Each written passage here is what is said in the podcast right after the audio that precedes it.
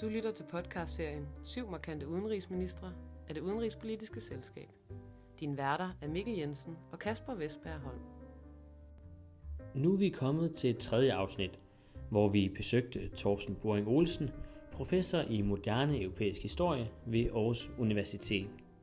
Vi fik os en snak om en for mange muligvis ukendt udenrigsminister, nemlig Gustav Rasmussen. Gustav Rasmussen havde på mange måder en anderledes baggrund end så mange andre politikere. Han var nemlig ikke traditionel politiker. Han var diplomat i udenrigstjenesten. Efter anbefaling fra Christmas Møller blev Gustav Rasmussen udenrigsminister i Knud Christensens regering i 1945. Vi lægger ud med spørgsmål om, hvordan Gustav Rasmussens syn grundlæggende var på udenrigspolitik. Man kan vel sige, at han var meget skolet i den danske neutralitetstradition. Øh, og at hans tilgang til det var formet af, øh, at Danmark var en småstat, og at øh, øh det der med at føre sig frem øh, for aktivistisk øh, øh, ikke gav mening, når man, om jeg så må sige, levede i et hav af stormagter, der for visse vedkommende også var øh, ganske øh, aggressive.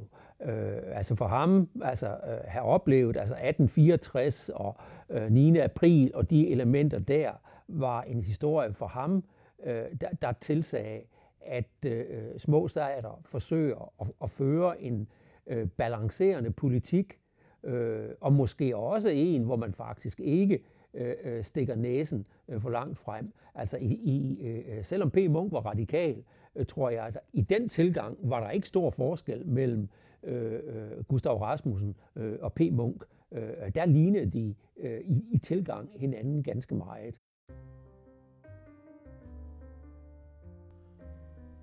Som vi allerede ved, fyldte spørgsmål om Slesvig meget i denne periode, ikke kun blandt politikerne, men også i den brede danske befolkning, både nord og syd for grænsen. Dette spørgsmål skulle også blive starten på enden mellem statsminister Knud Christensen og udenrigsminister Gustav Rasmussen. Jamen, den handler jo om, altså det er jo, det, det er jo, øh, øh, det er jo en vild polariseret strid, øh, og hvor det danske samfund jo reelt er meget øh, øh polariseret omkring spørgsmålet. Øh, fordi der er jo en situation, Tyskland er i stunde 0, øh, alle dem, der føler, øh, at den nationale sag, der lever jo et, et dansk øh, mindretal i Slesvig, og selvom du har fået grænserevisionen i 1920, øh, øh, så er det jo stadigvæk nogen, der mener, øh, at øh, resten af Sydslesvig bør også høre til Danmark.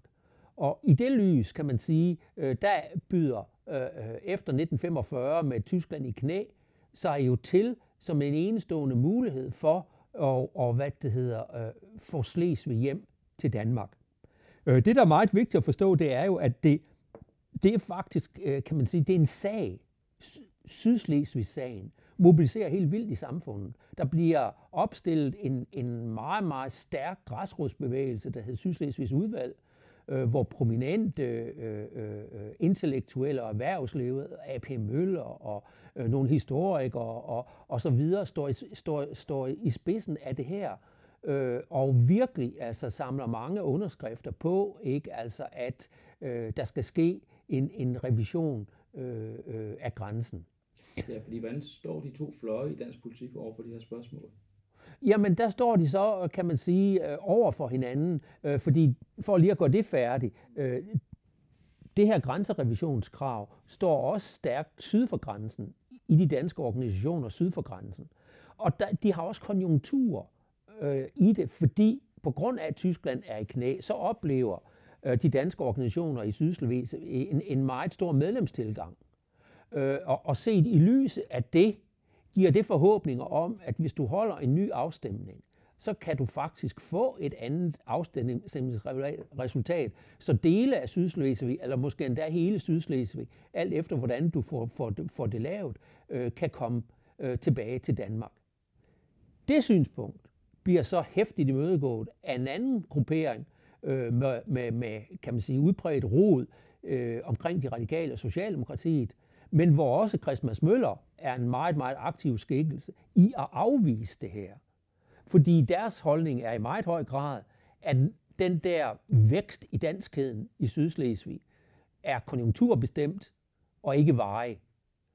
Og synspunkt nummer to, det er, at 1920-afstemningen har afgjort grænsen der, hvor den skal ligge. Og hvis man begynder at pille ved det, så risikerer man at få en betændt sag igen, fordi, som tænkningen er, det er tænkeligt, at Tyskland bliver stærkt igen på et eller andet tidspunkt. Og hvis vi så har sådan et betændt border issue øh, øh, liggende der, så kan det blive et kæmpestort øh, problem for Danmark. Så set i det lys, øh, øh, der går de radikale og, og hvad det hedder, øh, Socialdemokratiet stærkt imod det. Og det, der bliver den store parlamentariske dynamik i det her, det er jo, at de radikale er støtteparti for Knud Christensen i det her. Øh, øh, så det giver nogle enorme spændinger. Og det er jo så sådan, at der er et flertal i Folketinget for at sige, at grænsen ligger fast. Øh, og det bliver vedtaget og slået fast ved flere lejligheder, mest oplagt og stærkest i den såkaldte øh, oktober øh, øh, note i 1946, der slår fast, at grænsen ligger fast. Men samtidig så sker der så, øh, kan man sige, den tilføjelse, at man selvfølgelig står på den nationale selvbestemmelsesgrund, hvilket vil sige, at man øh, øh, i meget høj grad øh, vil mene, at de danske organisationer øh, øh, og det danske mindretal øh, øh, øh i Sydslesvig har ret til at arbejde for den nationale sag, og på sigt også rejse spørgsmål om spørgsmål øh, øh, øh, øh om en folkeafstemning, hvis de vil. Det er bare ikke et krav, den danske stat skal støtte. Og det er der konfrontationen altså bliver, bliver helt vildt markant øh, øh, mellem de to fløje, og hvor regeringens officielle politik, den bliver i meget høj grad at sige, at man ligger på grænsen, ligger fast holdningen. Men statsministeren, Knud Christensen, han begynder at føre en politik, hvor han ved gentagende lejligheder stiller spørgsmål ved den politik, som man i virkeligheden ikke ved, hvad er regeringens position på det her spørgsmål. Hvor, hvor, hvor står øh, Gustav Rasmussen så i, i alt det her? Jamen, Gustav Rasmussen står øh, et penibelt sted, øh, fordi øh, en af dem, der virkelig tager det på sig og, og, og, og, og går imod og hudfletter øh, Knud Christensen og argumenterer imod ham, det er Christmas Møller, som Gustav Rasmussen har et tæt forhold til. Øh, og Christmas Møller, selvom han er konservativ, øh, så går han jo imod det, som flertallet af de konservative gør, fordi de står på den der mere åbne, øh, nationalistiske linje med, med, med, med, med, med kontakter ind til Sydslesvigsk udvalg og, og gerne ser en større grad af revisionisme. Men det gør Christmas Møller ikke. Øh, og øh, Gustav Rasmussen er jo så øh, øh, øh, øh, øh, udenrigsminister, og man kan sige, det der er, her kommer en af øh, øh, de problemer, han, han bøvler med ved at være diplomat og ikke politiker, måske øh, stærkt til syne.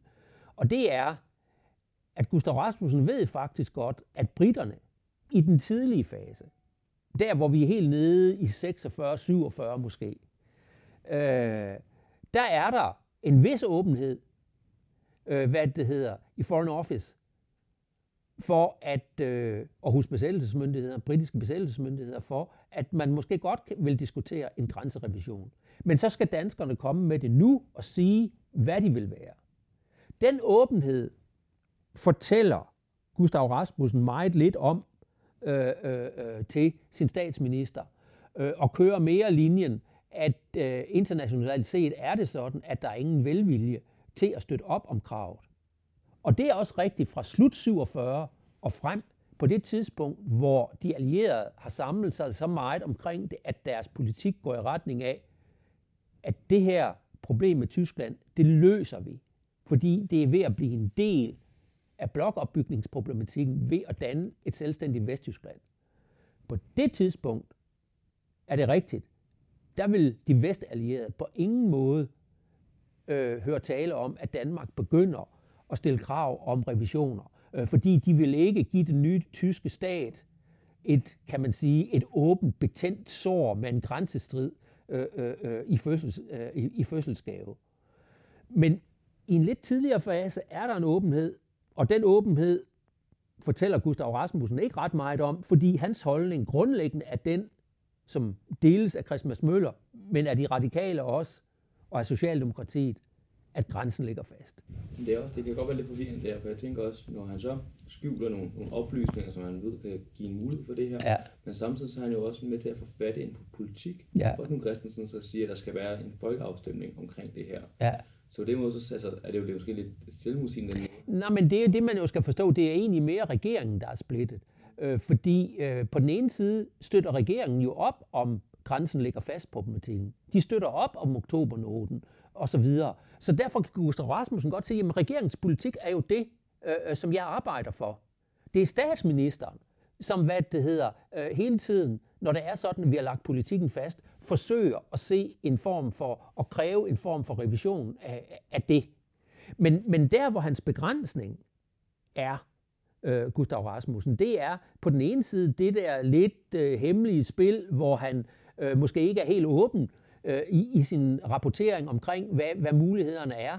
Men på den anden side også, at han viger tilbage for at tage et opgør med øh, øh, statsministeren. Altså, han går ikke til ham. Altså, og der kommer det diplomatiske ind, hvor han øh, jo må, måske mere er diplomat end politiker, at han hellere spiller et, et skjult rænkespil, end tager en åben konfrontation. Øh, øh hvis, hvis man laver tanken, at det var Hedtoft, der, var, der havde været udenrigsminister, havde det jo været, havde det jo været noget helt andet, ikke? fordi han som person er en, der netop fører sagen frem hele tiden. Men diplomaten, Gustav Rasmussen, gjorde det ikke. Gustav Rasmussen blev ofte beskrevet som en forfængelig og konfliktsky politiker, hvilket kom klart til udtryk i netop denne sag. Det ligger øh, mere dybt i ham, øh, i, i den forstand altså, at øh, han er diplomatisk skolet, øh, og, og derfor øh, øh, ikke vant til at tage det der, hvad vi kan kalde et politisk hundeslagsmål. Øh, øh, og derfor spiller han, trækker han mere på det diplomatiske arsenal. Men det her er bare en yderst betændt politisk sag. Og der viser han, vil jeg mene, sin begrænsning øh, som udenrigsminister. Men kan det også være sådan rent taktisk, fordi at er der en, en grund til, at man skal tage et opgør med ham, hvis han vidste jo godt, at der var ikke et flertal for den politik alligevel? Så kan han vel godt formulere politik, men det vil aldrig komme igennem alligevel. Ah, men det er jo, kan man sige, uholdbart i længden at have sådan en spænding i en siddende regering mellem hvad det er, statsministeren øh, øh, og udenrigsministeren, og mellem statsministeren og måske et par andre ministre, og så resten af regeringen. Øh, øh, det er ikke noget, der er holdbart i længden, og enhver politisk analyse af det vil jo sige, at det måtte man se at få løst, ikke? Og den eneste måde, man jo kunne løse det der, det er jo ved at tale helt åbent og direkte om det, ikke? Ja, regeringen den ender jo så egentlig heller ikke med at være holdbar, og Knud Christensen, han, øh, han bliver også væltet på, Ja. det, her, på det her spørgsmål. Ja. Så kommer Hedtoft øh, Ja. efter, Ja. Ja. og øh, der fortsætter Gustav Rasmussen. Ja. Øh, hvordan kan det lade sig gøre, og var det egentlig var det klogt af Hedtoft at tage Gustav Rasmussen med i en socialdemokratisk regering? Ja.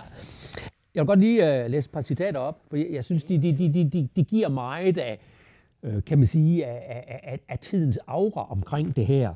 Øhm, fordi øh, da Knud Christensen bliver fældet med henvisning til Sydslesvig-politikken på en dagsorden fremsat af støttepartiet, de radikale venstre, så bliver han jo vildt forbitret.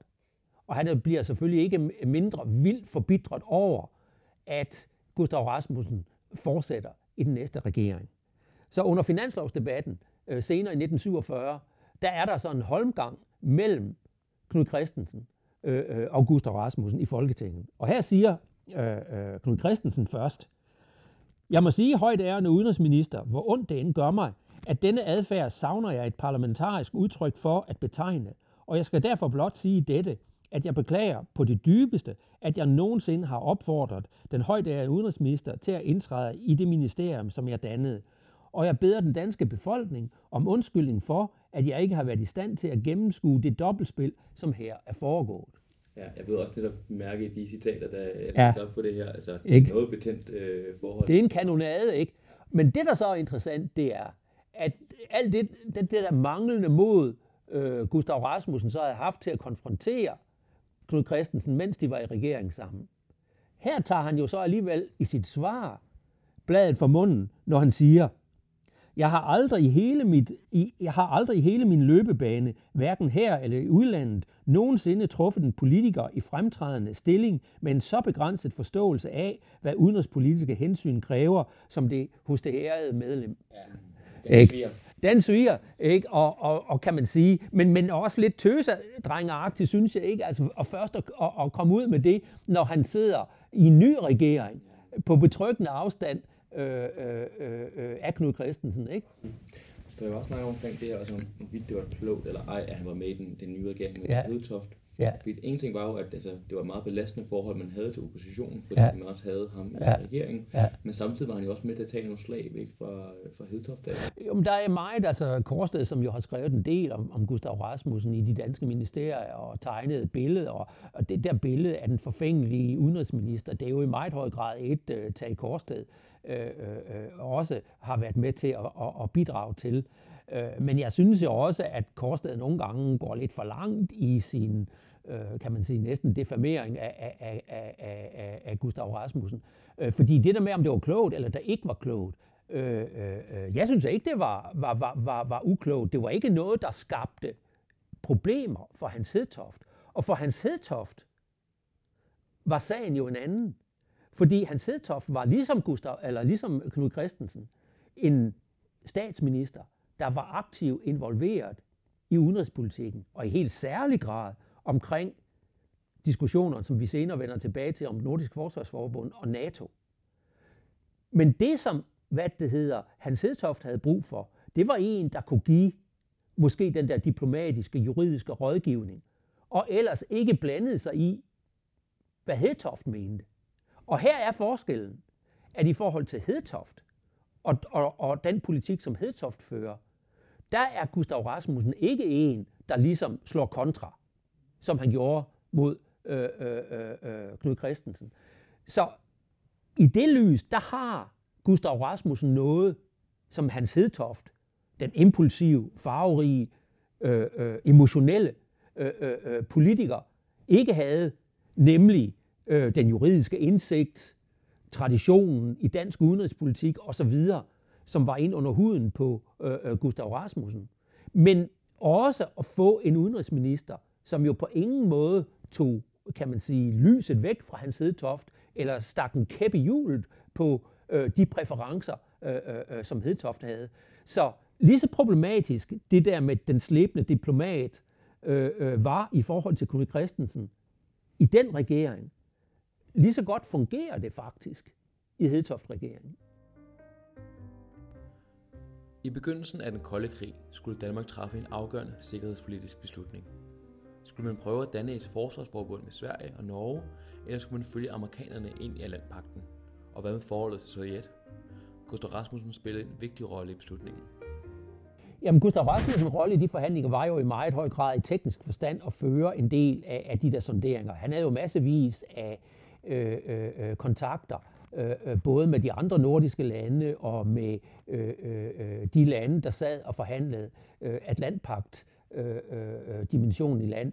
Det er nok vigtigt som baggrund her at fortælle, øh, at øh, vi har to parallelle processer, der kører øh, øh fuldstændig øh, samtidig.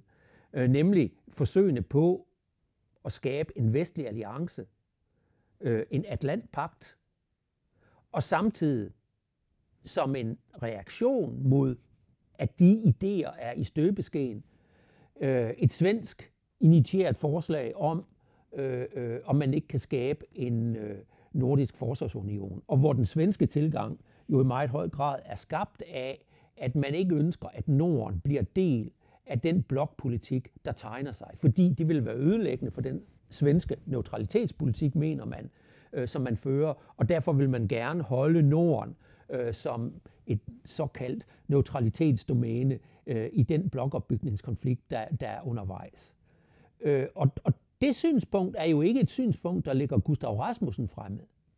Øh, øh, Gustav Rasmussen øh, er jo vokset op med den danske neutralitetspolitik. Øh, øh, og, og, og derfor det med bare at skifte hest og gå ind i en ny alliance, øh, det er øh, for ham jo i hvert fald en ny drejning øh, af dansk udenrigspolitik. Men, men det interessante er selvfølgelig hele den her sag, at den, der er den toneangivende, og den, der lægger den politiske kurs i forhold til det her, det er Hedtoft og Socialdemokratiet. Og hvor Hedtoft jo har et helt uhørt emotionelt engagement netop i øh, øh, øh, at forsøge at få den nordiske løsning øh, op at stå. Hvorfor har han det engagement? Jamen, altså, der, der er flere grunde til det, ikke? Altså, man kan sige, der er nogle rationelle øh, sikkerhedspolitiske grunde til det. Øh, noget af det, som jo diskuteres i den tidlige fase omkring Atlantpakten, og faktisk også i den tidlige NATO-periode, det er jo, at øh, øh, øh, NATO's forsvarslinjer øh, ligger sådan, at de ikke er indlysende, at de kan komme Danmark til hjælp. Øh, det man skal forstå, det er, at lige efter 2. verdenskrig har Sverige et af de stærkeste forsvar øh, øh, øh i øh, øh Europa. Og forestillingen om, at Sverige i virkeligheden er det eneste land, der kan og vil komme Danmark til undsætning i forbindelse med en militær konflikt, øh, øh, den er stærk og heller ikke helt ubegrundet. Det der selvfølgelig, kan man sige, øh, som måske en række af de danske politikere på det her tidspunkt har svært ved at forstå, men også fordi det er jo selvfølgelig komplet nyt, det er, hvordan den her konflikt bliver en øh, atomkonflikt, øh, en nuklear konflikt, og hvor selve det med nuklear afskrækkelse bliver et enormt stærkt element i selve sikkerheds, øh, øh, øh, den måde, som man sikrer sin øh, sikkerhed på.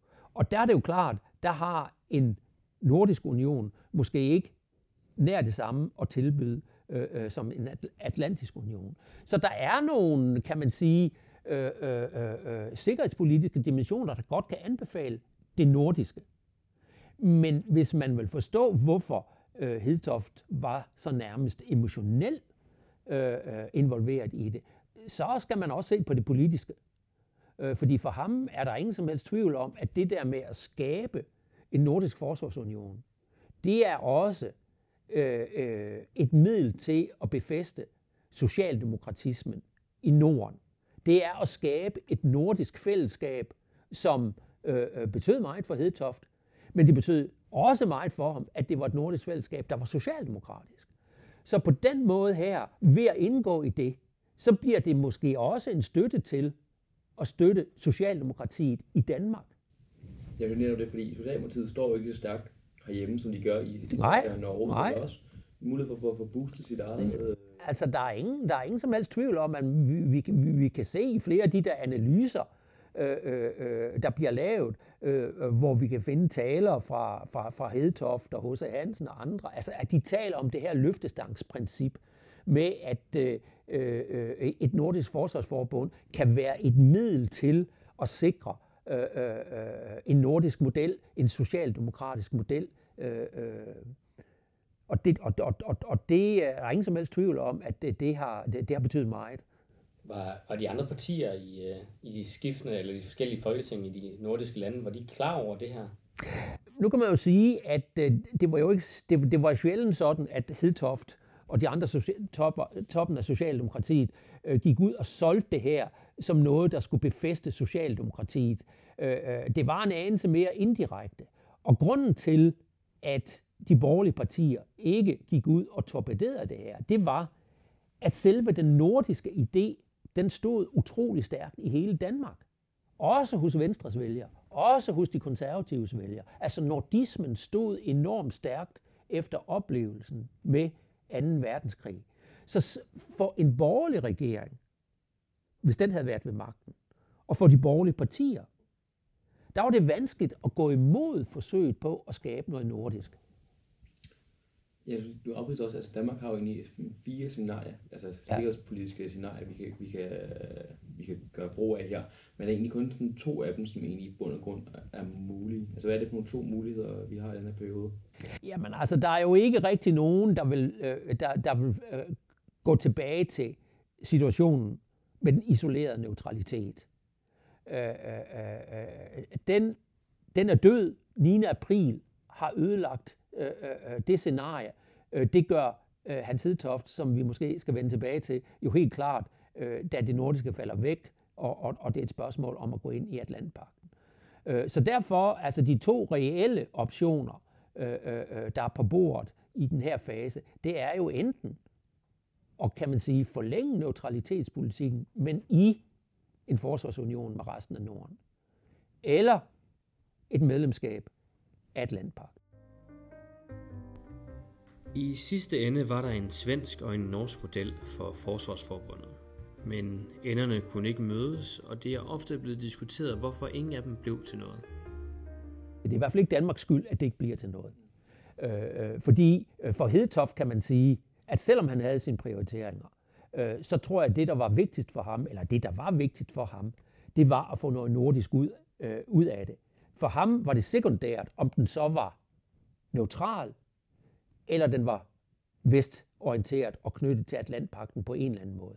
Skulle han vælge, det tyder meget på, når man ser, hvordan han omtaler osv., øh, så var han nok mest i udgangspunktet til det svenske synspunkt. Og det kan man også se i, at den mælingsrolle, som han, han, han, han tog, det var ikke en uheld øh, øh, mælerrolle. Den danske regering og Hedsoft i særdeleshed forsøgte at lægge meget mere pres på den norske regering i forhold til at støtte op om et svensk synspunkt end omvendt. Var det uh, rent politisk uh, overbevisning, eller fordi man tænker, at det er måske nemmere at presse den norske regering uh, i det her? Jamen, jeg tror, det er uh, dels det, at man tror, at uh, det har mere gang på jord at gøre det, men også fordi, at det, det, det for den danske regering er det, der tegner sig uh, som uh, uh, den bedste løsning. Men samtidig er det vigtigt at understrege, at øh, øh, den danske regering, og, og her kan man sige, er konsultationerne mellem Gustav Rasmussen og Hans Hedtoft og de andre rådgiver, der er ind over i det her, øh, der er det jo tydeligt nok, at man forholdsvis tidligt i processen ved, at hvis det nordiske falder væk, så kan det atlantiske dukke op som det Danmark i den grad skal forholde sig til. Så derfor det, der bliver det, vigtigste, det vigtige diplomatiske spil, som Gustav Rasmussen er god til at spille, det er det der med at holde begge døre åbne. Så vis interesse for Atlantpakken, uden at committe sig endegyldigt. Samtidig med, at man fører øh, de nordiske forhandlinger til ende. Det, som den danske regering også ved, og det er faktisk derfor, at Hedtoft er den, der tager det mest radikale synspunkt i de nordiske forhandlinger. For han siger nemlig på et tidspunkt, og lad mig lige sige, hvorfor han siger det først. Det gør han. Hedtoft ved, og den danske regering ved, at hvis Atlantpakten bliver skabt før det nordiske, så bliver det ekstremt svært at sige nej til at gå ind i Atlantpakten. Derfor, da der er for lidt momentum i det nordiske, der er for lidt bevægelse i det, samtidig med at man kan se, at det atlantiske skrider frem. Øh, så går øh, øh, Hedtoft ud til de andre nordiske regeringer og siger, han synes, at man simpelthen skal gå til Washington og sige, at man er blevet enige om at danne et nordisk forsvarsforbund. Fordi ved at gøre det, så trækker de så Norden ud af planlægningen af Atlantpakten. Håber Hedtoft. Og dermed er der, bliver der mere frirum til at danne et nordisk øh, øh, forsvarsforbund. Men pointen er bare, det vil hverken Norge eller Sverige være med til. Fordi nordmændene vil ikke, fordi det er ikke deres politik. Men svenskerne vil ikke, fordi de ikke mener, at der er enighed nok i den nordiske kreds til at støtte det synspunkt. Og det er sådan set også rigtigt. Men Hedtoft havde også ret i, at hvis man ville det nordiske, så skulle man faktisk gøre det, som han sagde. Fordi når først Atlantpakten var der, og de nordiske lande, i hvert fald Danmark og Norge, var inkluderet i det, så ville det blive sindssygt svært at sige nej til at gå ind i Atlantpakten. Det nordiske, det bliver jo så ikke øh, til noget, og til sidst står man med noget, der bliver omtalt som øh, ja, man kan sige, de mindste af to under ja. Atlantpakten, eller den fortsatte neutralitetspolitik. Ja. Øh, hvordan har øh, Gustav Rasmussen det med at gå ind i Atlantpakten, som øh, Danmark gør? I forhold til Hedtoft, øh, for eksempel?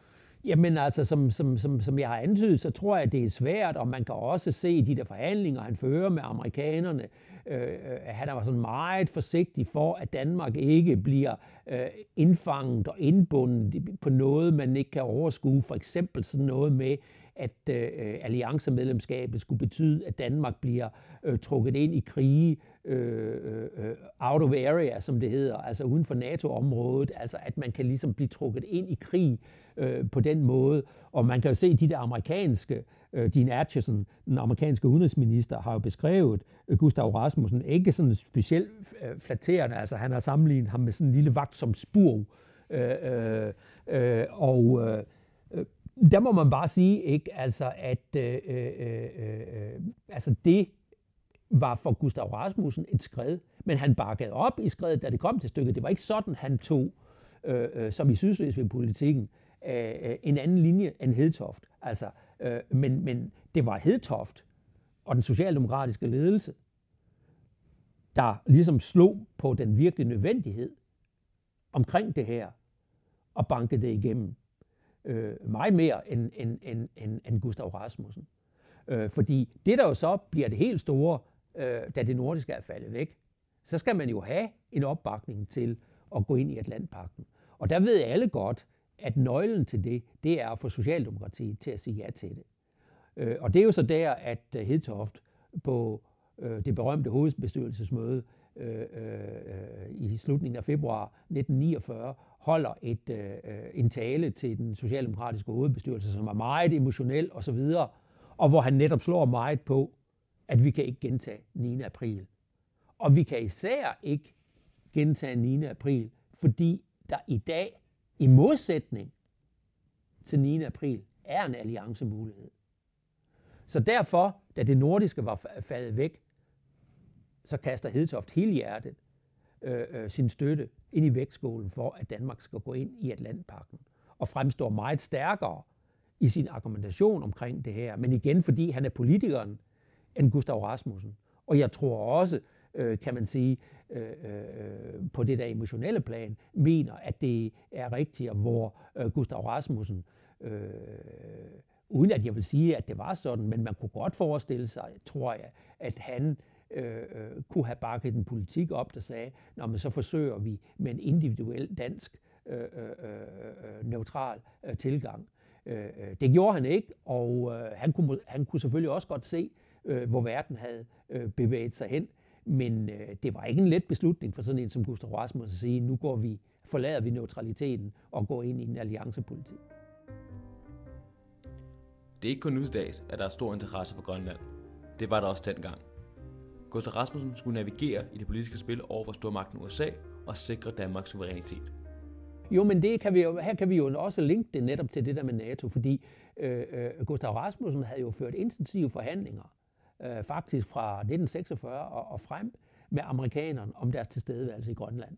Og det var jo sådan, at øh, amerikanerne i ly af 2. verdenskrig og efter en aftale med den danske ambassadør i Washington, Henrik Kaufmann, øh, øh, havde fået, øh, øh kan man sige, overdraget og forsvare Grønland, men også brugte det selvfølgelig til at promovere amerikanske sikkerhedsinteresser og brugte Grønland som en såkaldt trædesten øh, for de amerikanske engagementer i Europa. Så Grønland under 2. verdenskrig blev militariseret til at tjene amerikanske og allierede formål. Og det skete i ly af den aftale, som Henrik Kaufmann havde indgået. Men Henrik Kaufmann gjorde det jo på egne vegne, fordi regeringen hjemme i Danmark sad jo i Danmark besat af Tyskland. Og officielt var den danske regeringspolitik, at man var imod, hvad Kaufmann gjorde. Det første, man gjorde så, da krigen var over, det var jo så, og i Folketinget sagde, at øh, man øh, accepterede og godkendte, hvad det hedder, den aftale, som Henrik Kaufmann øh, havde indgået. Men det bliver så ret hurtigt klart, at der er stor bekymring i den danske regering, Knud Christensen regering, omkring det amerikanske engagement i Grønland. Og at man føler, at den danske suverænitet der bliver udfordret af amerikanerne. Og derfor går den danske regering til den amerikanske og siger, at man gerne vil have afsluttet øh, 1941-aftalen, som Henrik Kaufmann indgik. Det tricky ved den aftale, det er, at den såkaldte slutartikel, artikel 10, den siger, at den her aftale, der er indgået, skal være i kraft, så længe de nuværende farer mod det amerikanske kontinent står ved magt. Og det er selvfølgelig et definitionsspørgsmål, hvornår de ikke gør det. Den danske regering mener, nu er 2. verdenskrig slut. Nu er de farer der ikke mere. Den amerikanske regering sagde, jo, det er de. Fordi, men det er selvfølgelig, den danske regering i faktuel forstand havde jo ret. Men det, som i mellemtiden var ved at blive meget, meget klart for de amerikanske militærplanlæggere, det var jo, at Grønland i forbindelse med en konflikt, en koldkrigskonflikt, en konflikt med Rusland, Sovjetunionen, øh, øh, øh, øh, ville komme til at spille en særdeles central rolle. Både som et militær projiceringssted, men også som et sted, hvor fjenden i hvert fald ikke skulle have lov til at sætte ben. Så derfor kan man sige, øh, øh, øh så man, at øh, øh Grønland ville blive ved med at være af vital interesse. Og det er i det lys, at amerikanerne ikke har til sinds at acceptere, at danskerne bare vil ophæve 1941-aftalen. Og de går jo så langt, øh, at de faktisk foreslår øh, et køb af, af Grønland. Ja. Hvordan reagerer Gustav Rasmussen på den? Om han bliver jo bestyrtet. Ikke? Øh, fordi amerikanerne fremlægger jo på et besøg, øh, som Gustav Rasmussen har i Washington, øh, og hvor han blandt andet møder den amerikanske udenrigsminister Burns i december 1946, øh, der fremlægger øh, den amerikanske regering tre scenarier om, hvordan man kan regulere øh, forhold, forholdene på Grønland og den, de amerikanske interesser der. Og i ingen af dem handler det jo om, at amerikanerne bare skal trække sig tilbage. Det handler, de, alle tre scenarier handler om øh, et amerikansk engagement, fortsat amerikansk engagement. Men den vildeste af dem, øh, set i Gustav Rasmussen øjne, det er jo, at amerikanerne foreslår at købe øen. Øh, og det er jo historisk set jo også en anelse ironisk allerede på det tidspunkt. Fordi på det her tidspunkt, der har amerikanerne jo ellers meget travlt med at skabe en ny verdensorden. Og den nye verdensorden er på den ene side det, der bliver elementer i blokopbygningen, den kolde krig. Men det andet er faktisk også et forsøg i et opgør med øh, øh, den koloniale orden. Øh, og hvor USA kommer til at stå som et talerør for afvikling af den koloniale orden. Det er der også magtpolitik, og der er også idealisme i det. Ikke? Det passer meget godt med en, en amerikansk fortælling om, hvordan USA er skabt. Men det er jo helt klart også et magtmiddel til at regimentere Storbritannien og en række andre øh, kolonimagter. Blandt andet Holland. Holland får jo i den grad læst og påskrevet af amerikanerne i den her periode for deres koloniherredømme i Indonesien. Øh, og og øh, hvor der bliver lagt meget, meget stort pres fra amerikanerne på hollænderne for at afvikle det. Og så kommer de sig selv her og vil købe Grønland i noget, som man kun kan betegne som en kolonial handel. Ikke? Men, men overvejer Danmark det seriøst, det her med, med at sælge Grønland? Nej, det gør, det, det gør de jo ikke, altså, fordi øh, det, det er jo lige før, man bliver lige så chokeret, som Mette Frederiksen blev i 2019. Øh, øh, og man kan jo se det i Gustav Rasmussens... Øh, øh, han har et møde med den amerikanske ambassadør i København en måned efter det her, og, og hvor han jo sådan meget emotionelt siger, uh, while I think we owe the US a great deal, I do not think we owe them the whole island of Greenland. Uh, uh, så det er helt oplagt, at uh, det synes den danske regering er helt ude af proportion. Er det, kan man sige, at selvforståelsen af, af rigsfællesskabet egentlig spiller en stor rolle i at sige nej til det her tilbud fra amerikanerne? Ja, det tror jeg, det, tror jeg, det gør.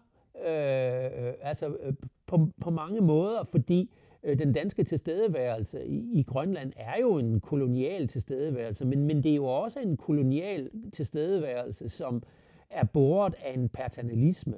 Altså, at man skal tage sig af grønlænderne, ud fra sådan en næsten sådan øh, kiblinsk tilgang, the white man's uh, uh, burden, uh, at man har en forpligtelse til det.